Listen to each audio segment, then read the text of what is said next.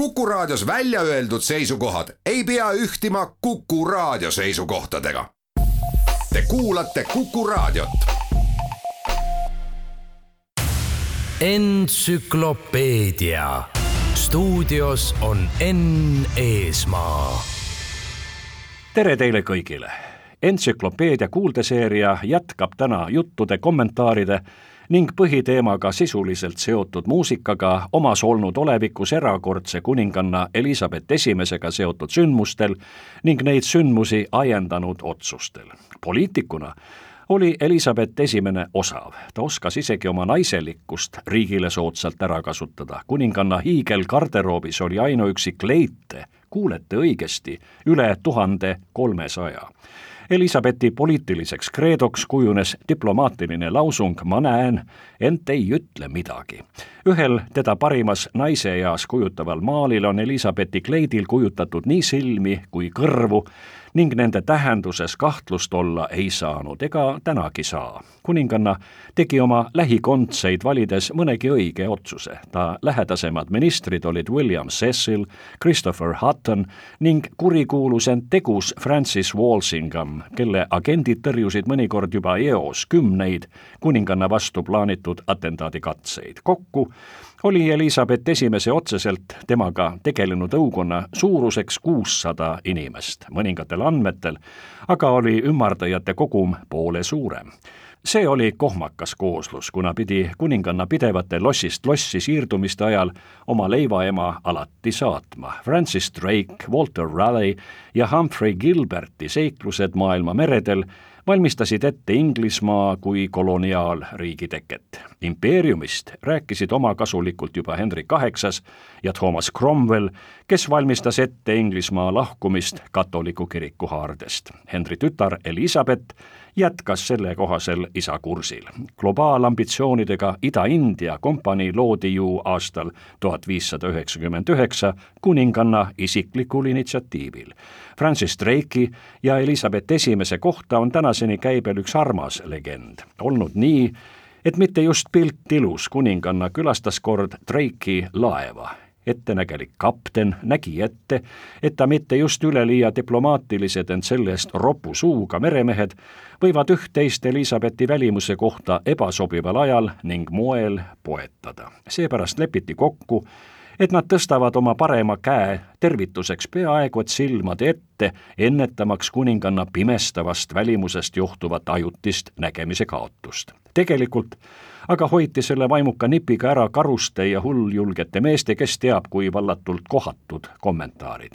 sellest ajast alates kasutavad kõigi maade sõjaväelased just niisugust au andmise ja tervitamise kommet nii tagalas kui vaenuväljal muuhulgas võitlust väljendas oma muusikas filmile armunud Shakespeare Stephen Warbeck, kes selle töö eest teenis Oscari. ka filmis võitleja kuningannat Elizabeth Esimest kehastanud Judi Dench sai teenitult oma esimese kuldmehikese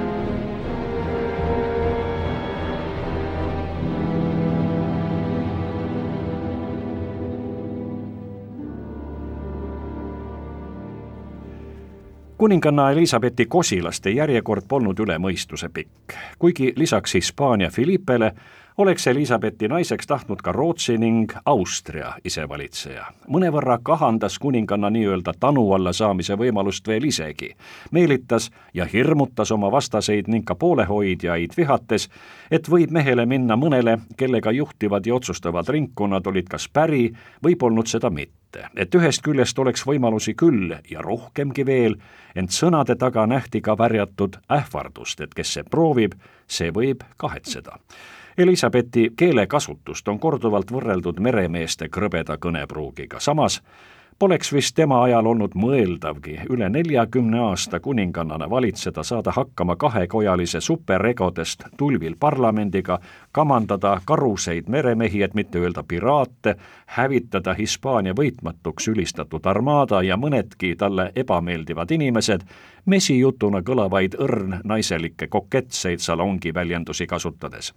kuninganna Elizabeth Esimese välimuse kohta on tagantjärgi raske midagi otsustavat öelda, pea igal maalil on ta pisut teistsugune. valitsusaja alguses peeti teda otse välja öeldes imeilusaks punapäiseks, kõrgete põsesarnadega nõtke keha ning kaunite kätega naiseks. maalidel kordub vaid ülikahvatus mõnikord imeilusas, teinekord kaunis ilmetus naise näos. näonaha kahvatuse põhjuseks peetakse Elizabethi noorust ja välimust mõjutanud rõugehaigust. ent arvamusi oli teisigi. Ühest neist räägin veidi pikemalt pisut hiljem arusaadavalt tahtnud kuninganna alati teistest naistest oma säravalt sädeleva oleku ning ka riietuse poolest eristuda.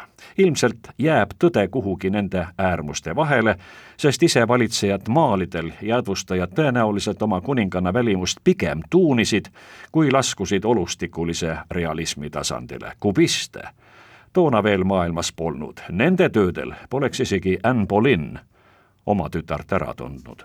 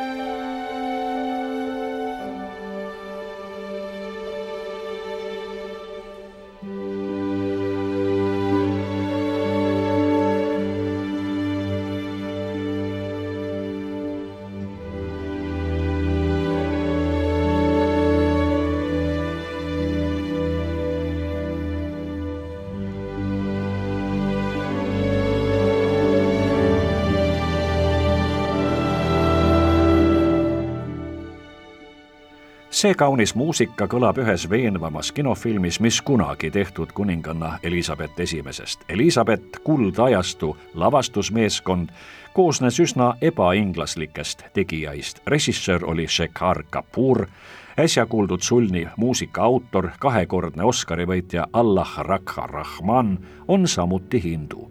peaosas säras maailmastaar Kate Blanchett kes oma osaga kandideeris Oscarile, nii nagu ka üheksa aastat varem Kapuri filmis Elizabeth. kuldmehikese võitsid teenitult ühel juhul kostüümi, teisel korral Krimmi kunstnik. Elizabeth Esimest on ekraanil kehastanud terve plejaad anderikkaid naisnäitlejaid alates Sarah Bernardist ja Bette Davisest kuni Vanessa Redgrave'i ja Judy Denchini välja üks helilooja, kes Elizabeth Esimesega seotud filmi muusika eest kandis Oscarile, oli David Hirschfelder. tema kirjutas lood ja laulud Kapoori filmile Elizabeth, aidates ekraanile tuua toonase ajastu helipilte, neist üks kujutab kuninganna suhteid palju kirutud, kuid Elizabethile vajaliku õukonna spioon Walsinghamiga. kohe kuulete lausa oma kõrvaga, kuidas see kurikaval mees luurab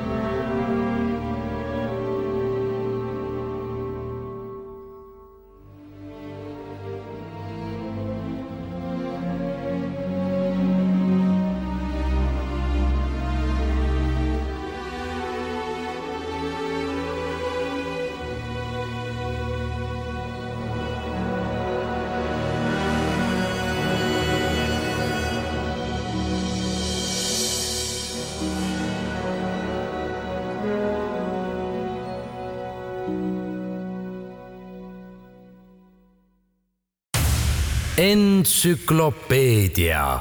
stuudios on Enn Eesmaa. Elizabeth Esimene oli kaks korda üsnagi lähedal mehele minekule. aastaid oli isevalitsejale oluline Robert Dudley, keda kuninganna kutsus kelmikalt oma lustlikult toredaks Bonnie Robiniks. Elizabeth tõstis Dudley Lesteri graafiks. on väidetud, et see mees, kes kunagi istus Elizabethiga samal ajal Toweri türmis, oligi kuninganna ainus suur armastus. poliitiliselt oleks aga Robert Dudleyga abiellumine olnud äärmiselt ebasoovitav. kuninganna silmarõõm oli rahva seas ebapopulaarne ja koguni kahel põhjusel. Robert Dudley isa, kunagine kuningriigi regent John Dudley, oli ametlikult kuulutatud reeturiks ning ta poega kahtlustati oma vähki põdenud naise kummalises surmas. kõige krooniks sosistati rahva seas, et võimaliku mõrva tagamõtteks olnud soov vabaneda oma naisest olemaks prii Elizabethi jaoks loomulikult ei saanud kuninganna sellises olukorras valida Robert Dudleyt. Alla Pugatšoval oli nelisada aastat hiljem tuline õigus, kui laulis, et kuningad võivad kõike peale naitumise sellega, keda armastad. teine tõsiseltvõetav Elizabethi kavaler oli Anjou hertsog Francois, Prantsuse troonipärija. siingi segasid pulmamänge poliitilised mängud, kuid teada on, et ega Elizabethile hertsog eriti ei meeldinud. ta olevat oma kosilast koguni kutsunud konnaks, mida on meelituseks võimatu pidada. niisiis jäi Elizabeth Esimene peenemalt väljendudes vanatüdrukuks rahva seas ning loomulikult õukonnas kerkis õigustatud küsimus, kellest saab järgmine valitseja, kui lastetu Elizabeth Esimene sureb katoliiklaste meelest oli kuninganna kogu aeg loomulikult olnud Šotimaa kuninganna Mary Stewart, kelle nii-öelda õiguste taastamiseks võeti ette mõnigi vandenõu. lõpuks lasi Elizabeth oma isa õetütre vahistada ning Mary Stewart istus trellide taga ligi kakskümmend aastat. siis seostati teda niinimetatud Babingtoni vandenõuga ning Elizabeth oli suisa sunnitud oma sugulase hukata laskma. mõneski filmis ja seriaalis on kuninganna sellekohast hingeheitlust värvikalt kujutatud. ega Mary Stewarti sugu sellepärast veel ajalooareenilt kadunud, Mary Stewarti pojast, Šotimaa kuningas James kuuendast sai Suurbritannia kuningas James Esimene, see, kes üsnagi põhjendatult esimesena seda liitriiki nõnda nimetama hakkas. John Dowland oli Elizabeth esimese ajal elanud andekas helilooja. üks ta tänaseni tuntud laule on meie aja inimesele veidi vallatu pealkirjaga Come again, mis toona siiski ennekõike tähendas vaid siirast ja süütut soovi veel kord kokku saada.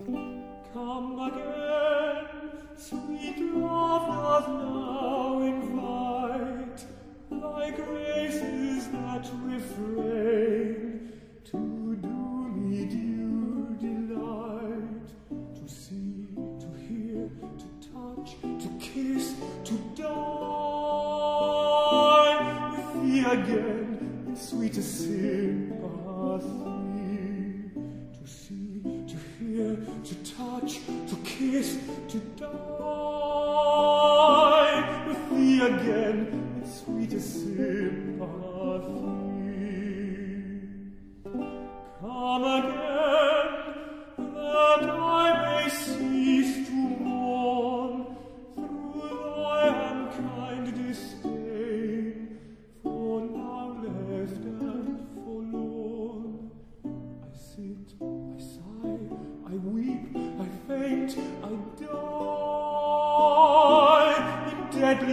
pain and endless misery. I sit, I sigh, I weep, I faint, I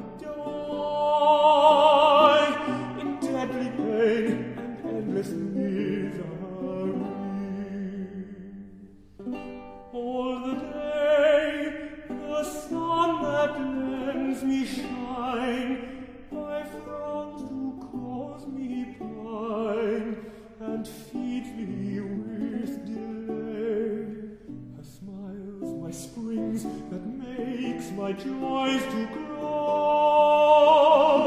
Her frowns, the winters of my woe. Her smiles, my springs, that makes my joys to grow.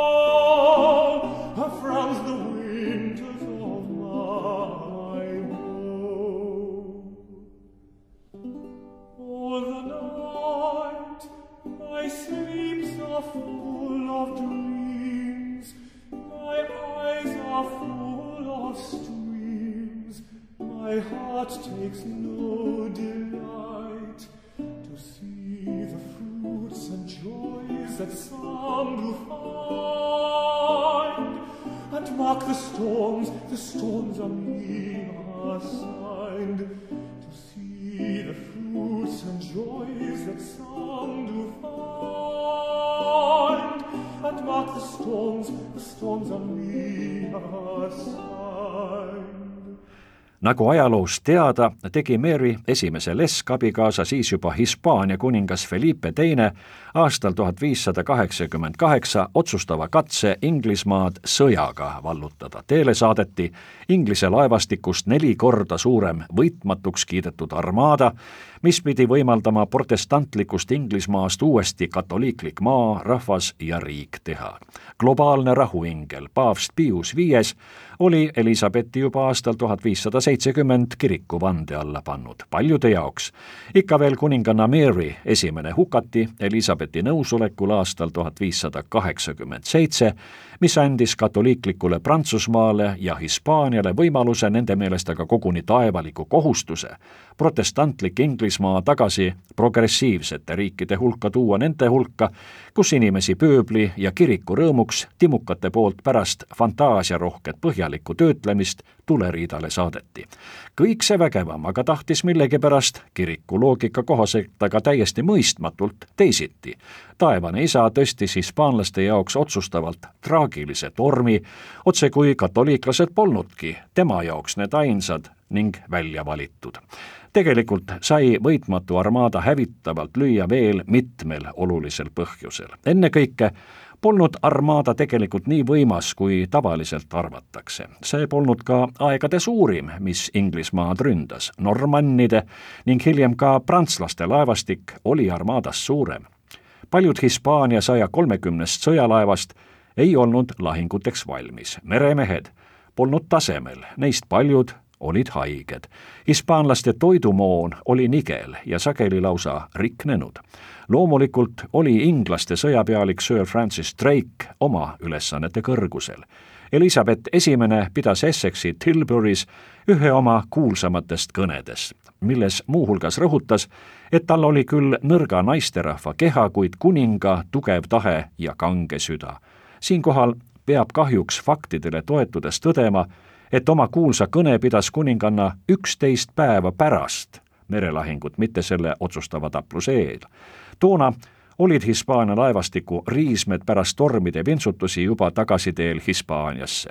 ausalt öeldes pole sedagi keegi täpselt suutnud tõestada, et kuninganna üldse oma palju kiidetud kõnega maha sai ning kes seda tegelikult kuulda võis, isegi kui tuulisel rannal kõik sõjamehed ja hobused haudvaikseks jäid nõrk naise hääl ei suutnud ju kuuendast reast ilma võimenduseta kaugemale mitte kuidagi kosta. Elizabethi aegne propagandateenistus oli aga osav, töökas ning kaval. Pole siis imestada, et kuninganna maine tõusis taevani. ta suutis tõestada, et ka naisterahvas suudab armeed edukalt juhtida, otse kui Orleani neitsi, kes poolteist sajandit varem toonaste kirikuisade verekoerte inkvisiitorite otsuse kohaselt tuleriidale saadeti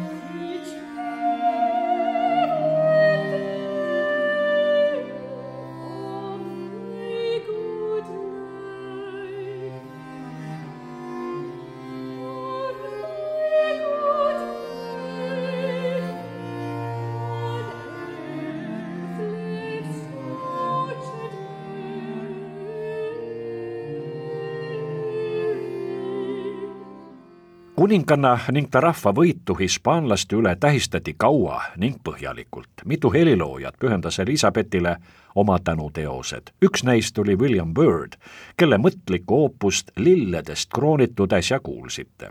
lihtrahvas sai kõigest toimuvast ka merelahinguist ning kuninganna vägitegudest kõige kiiremini teada ballaadide kaudu, mida lauldi ja esitati kõrtsides ja tänavatel, ajalehti toona veel polnud. The Times tuli turule ligi kaks sajandit hiljem.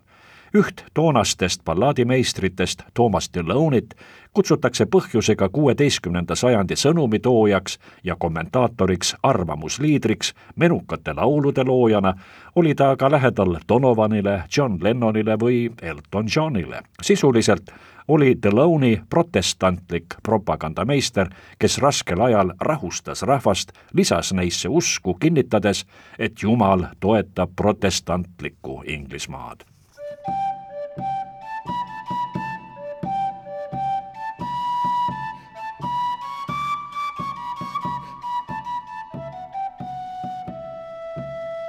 Some years of late in 88, as I do well remember, it was, some say, on the 19th of May, and some say in September. The Spanish train lodged forth amain with many a fine bravado. They as they thought, but it proved not invincible armada. A little man that dwelt in Spain that shot well in a gun. Don Pedro hight as black as a white as the night of the sun. King Philip made him an admiral and bade him not to stay, but to destroy both man and boy and so to come away. Their navy was well victualled with biscuit, peas, and bacon. They brought two ships well fraught with whips, but I think they were mistaken. They coasted round about our land and so came in by Dover. But we had men set on 'em then and threw the rascals over. The Queen was then at Tilbury, what could we more desire? Sir Francis Drake, for her sweet sake, did set them all on fire. Away they ran by sea and land, so that one man killed three score. And had not they all run away, on my soul we had killed more. Then let them neither brag nor boast, for if they come again, let them take heed they do not speak as they did they know when. nii lauldes edastati rahvale sõnumeid ja kommentaare, nagu kuulsite, olid ballaadi sõnade seas nii Elizabeth kui Armada ning loomulikult ka Tilbury kõne, millest ajapikku sai üks Inglismaa tuvimüütidest. kuid Elizabethi aegne ning ausalt öeldes ka hilisem Inglise propaganda nullis pea olematuks Inglise armaada vastu sõjakäigu eesmärgiga Hispaania laevastiku alles jäänud osa lõplikult hävitada. Francis Drake'i juhitud sõjaretk vaid aasta pärast Tilbury sündmusi lõppes inglaste jaoks katastroofiliselt, surma sai kakskümmend tuhat meest ning Hispaania armaada tegutses edasi. olen üsna kindel, et sellest Elizabethi esimese aegsest totaalselt ebaõnnestunud episoodist pole paljud teist isegi kuulnud mitte. see teeb au kuningriigi propagandateenistusele. Elizabeth Esimene oli küll Inglismaa esimene raudne leedi, kuid õnneks mitte põikpäine valitseja. ta nõunike hulka kuulusid oma ala tippmehed, kelle soovitused mitte pelgalt ära kuulati, vaid sageli ka kuulda võeti. mõnikord aga ei võetud. äsja öeldu osaliseks tõestuseks pakun kuulamiseks ooperi Elizabethi, kes täna esineb ja laulab teile Rumeenia päritolu maailmastaari Nelli Miriccio hääle ja oskusega katkendis Gaetano Donizetti ooperist Roberto de Vereux. selles mitmel kirjanduslikul allikal põhineval peaaegu et päriselust laenatud lavateoses on muusikaliselt juttu Elizabethi traagiliselt lõppenud armuloost Essexi graafiga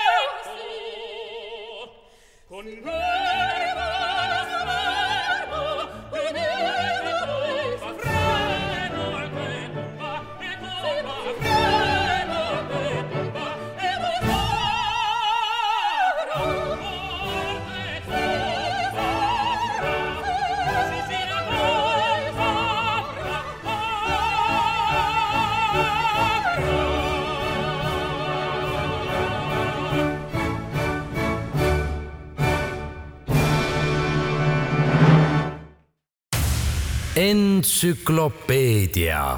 stuudios on Enn Eesmaa. välimuselt ja käitumistavadelt sädelev Inglismaa ja Iirimaa kuninganna Elizabeth Esimene oli poliitikuna süveneda tavatsev konservatiiv. kui ta Inglismaa kuningannaks pühitseti, oli kuningriik vaene ja usutülidest lõhki kärisenud. kui Elizabeth Esimene siitmailt märtsis tuhat kuussada kolm sinnamaile siirdus, oli Inglismaa tõusnud maailma võimsamate hulka. on ka neid uurijaid, kelle arvates oli Elizabethi õnnestumiste üheks põhjuseks teda pidevalt saatnud õnnefaktor. mõnigi kord olnud tal raske otsusteni jõuda, mis lisas pingeid kuninganna puhuti niigi äkilistele valitsemistavadele. tegemist oli ju ikkagi naisterahvaga, kes mehiselt oma rahvast ja riiki pidi valitsema. muide, juba algusest peale on neidki olnud, kelle arvates Elizabeth Esimene oligi tegelikult mees ja ta kriitvalge jume varjas habemetüügast. Päris Elizabeth olevat juba lapsena surnud ning teda võeti asendama punaste juustega poiss. sellega on püütud tõestada ka Neitsi kuninganna lastetust. kuni Dan Brown pole sellestki loost veel miljoneid välja võlunud, jätame teema rubriiki vaat, millest kõike ei räägita fakt on aga kindlasti see, et Elizabeth Esimest kutsusid ta alamad hellitavalt heaks kuninganna Bessiks, kuid ega Gloriana polnud verevaesem kompliment. Ometi jäi Elizabeth kuigi esimene viimseks Tudorite dünastia esindajaks Suurbritannia troonil, tõsi küll, Suurbritannia kuningriik tekkis ja kujunes lõplikult alles sajand hiljem ennekõike tänu Stewartide dünastia viimse kuninganna Anne'i otsustele ja tegutsemisele. James Esimene kutsus oma riiki Suurbritanniaks ning teatud mõttes oli tal pärast Inglismaa ja Šotimaa vahel sõlmitud unioonilepingut koguni õigus. ometi jäid Inglismaa ja Šotimaa veel sajandiks eraldi riikideks, kuningas. Oli neil küll ühine, parlamente aga kaks. Aastal tuhat seitsesada seitse saavutas kuninganna Anne lõplikult oma eesmärgi, see tähendab juriidiliselt. Elizabeth Esimene valitses uskumatud nelikümmend neli aastat, tema ajal sai Inglismaast stabiilne riik, kuigi veel kaugeltki mitte impeerium, Hispaania oli impeerium. Inglismaal läks selleni jõudmiseks veel ligi sajandi jagu aega. Elizabethi valitsemisajal tegid maailma avastusi Francis Drake ja Walter Raleigh, inglise kirjandus saavutas kõrgtaseme Christopher Marlowe, Edmund Spenceri ning William Shakespeare'i loomingus. kindlalt on teada, et Elizabeth oli saalis, kui esietendus Shakespeare'i Suveöö unenägu. kõik see aitas luua ja kindlustada inglaste rahvuslikku identiteeti. Elizabeth Esimene on sajandite jooksul loominguliselt innustanud nii heliloojaid kui kirjanikke ja kineaste. Gaetano Donizetist oli juba juttu. eriliselt tasub aga mainida Benjamin Britteni ooperit Gloriana, mis esietendus Elizabeth teise kroonimispidustuse ajal juunis tuhat üheksasada viiskümmend kolm. nii kõlab Elizabeth esimese kuninglik ilmumine ja esimesed laulufraasid Josephine Barstow esituses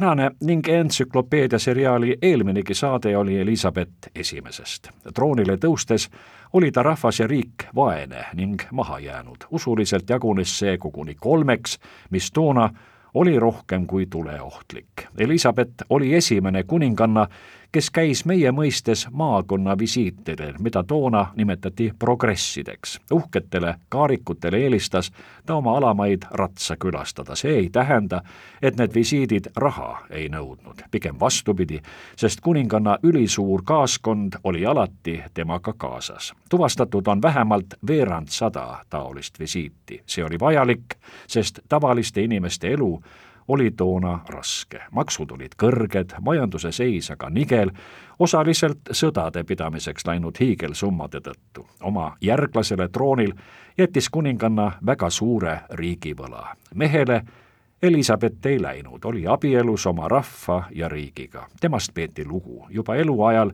legendiks saanud kuningannat lausa armastati. Elizabethi troonile tõusmise päev oli järgmised kaks sajandit rahvuslik püha ning siis paari sajandi pärast sai Suurbritannia järgmise jõulise kuninganna Victoria. temast teen kindlasti ühe tulevase, kuigi mitte veel järgmise saate, sest ega naistega ka liialdada sobi tänastel lõpuminuteil kõlab üks kaunis laul muusikalile hüljatud ja mis sai koona autori Claude Michel Schönbergi Elizabeth Esimese elust ja seiklustest kirjutatud muusikalist Piraat kuninganna. laulu nimi on Naine. seda esitab maailmastaar Stefani Blok. head kuulamist ja kuulmiseni entsüklopeedia järgmises saatetunnis nädala pärast pühapäeval kell kaksteist null null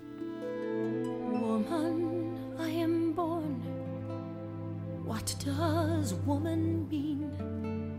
Must my dreams face scorn, held back and unseen? If I long for fire, must it stay unreal? Can I not desire? Am I not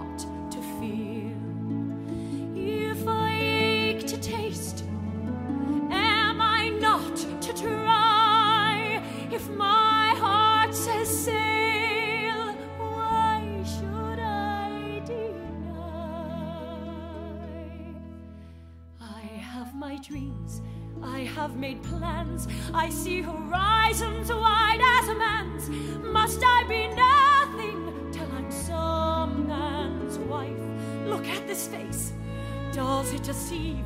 Do I look made to milk and to weave? I will be damned to hell if that is my life.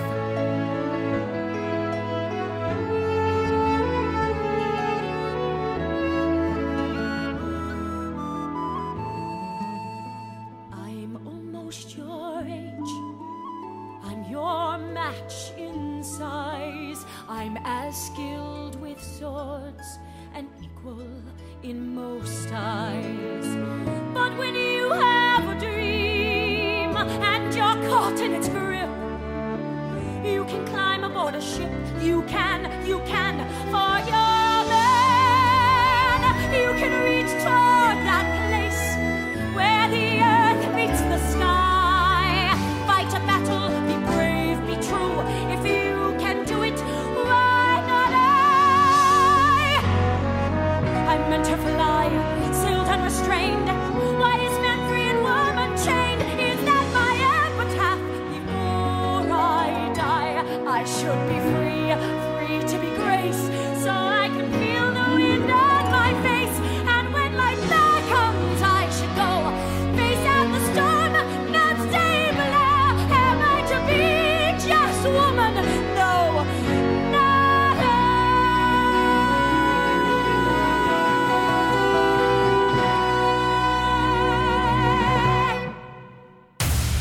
entsüklopeedia.